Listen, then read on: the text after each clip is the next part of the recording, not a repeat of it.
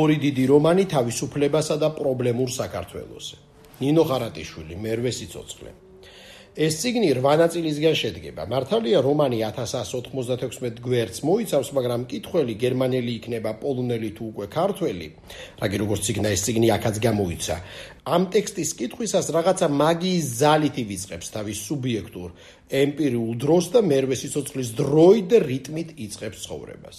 მისი დრო მერვე სიცოცხლის დრო ხდება და როგორც კარგ რომანს აგებს შევიათ ცხოვრების მოსაწყენი პროზა თითქმის სრულიად შტაინთქმება მხატვრული სინამდვილის ექსპანსიურობით.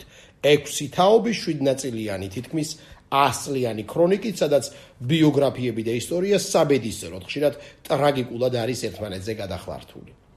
მარსელ პრუსტი წერდა ერთგან რომ თუკი მისი ტექსტის წაკითხვა სურდა ვინმეს ის ობიექტური თუ სუბიექტური დროის დაკარგვას უნდა შეგუებოდა, რადგან ახლა მისი წიგნის კითხვისას მხოლოდ ერთი დრო თუ ღარსებობდა, ამ ტექსტის დრო და სხვა არაფერი. ან ცხოვრობ ამ წიგნით ან არა, ან დაიბრუნებ დროის მიერ განკარგულ царსულს შესაბამისად საკუთარ თავს, ან საბოლოოდ დაკარგავ, როგორც царსულს, ასევე საკუთარ თავს. მერვე სიცოცხლე სწორედ ამ პრინციპის მატარებელია. ეს არის საკუთარი თავის ერთგვარი ისტორიული მეს გახსენების მცდელობა. იმ თავარი ამბის, რომელიც თითქოს და გაქრა მეხსიერებიდან, ხოლო შემთხვევაში უდაოდ გაქრა ისტორიის სახელმძღვანელოებიდან, მაგრამ არ გამკრალა სიზბრებიდან, ფსიქიკიდან, სულიდან და მითებად ქცეული მოგონებებიდან.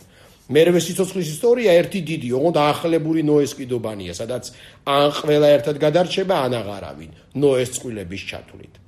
რომანის მერვე ნაწილი цаრიელი ფურცლით სრულდება, რომელიც ბრილკამ ციგნის ერთ-ერთმა მთავარმა გმირმა, ანუ მთხრობელის მთავარმა მსმენელმა სუბიექტმა უნდა შეავსოს თავისი სიცოცხლით. აკი ამიტომაც აქვს ქვესათაურად რომანს ბრილკასთვის, რადგან ეს შვიდი ნაწილი უპირველეს ყოვლისა სწორედ მისთვის, მის მიერ საქართველოს თუ ზოგადად არათავისუფალი მეოცე საუკუნის აღმოჩენა გააზრებისთვის არის მოყოლილი.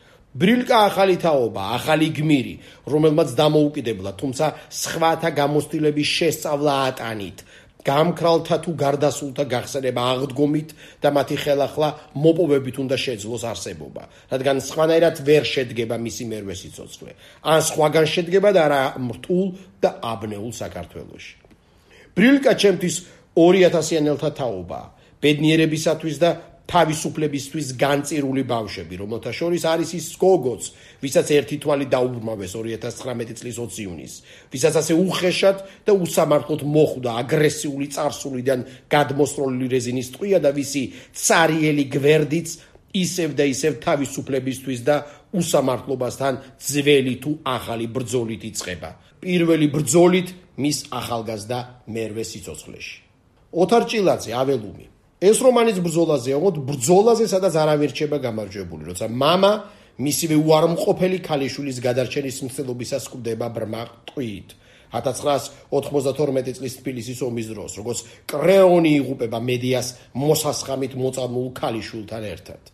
ამ რომანში ავტორს არათაობების კონფლიქტი, არამედ ცნებების აღქმის განსხვავებულობის დრამა აქვს აღწერილი. მაგალითად, ისეთი მნიშვნელოვანი ცნების, როგორიც თავისუფლება.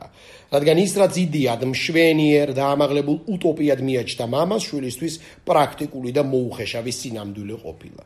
იმის მიუხედავად, რომ პროტაგონისტი მწერალი მთელი შეგნებული ცხოვრება ფიქრობდა თუ წერდა თავისუფლების პოეტიკით მონუსხულ ფრთებ გამოგმულ იკაროსზე, მაშინ როცა რეალურმა ქართველმა იკაროსებმა მართლაც გამოიბეს ფრთები 80-იან წლების დასაწყისში და ბოლოს. ანუ როცა თავისუფლება არა მეტაფორად, არამედ ობიექტურ მოცემულობად იქცა, თეორიულად თავისუფლების მოყარე მამასა და პრაქტიკული თავისუფლების მომპოვებელ შულს შორის, ესე იგი მეოცნებე იკაროსსა და რეალისტ იკაროს შორის ხანგრძლივი და მრავალგვაროვანი კონფლიქტი გაჩაღდა.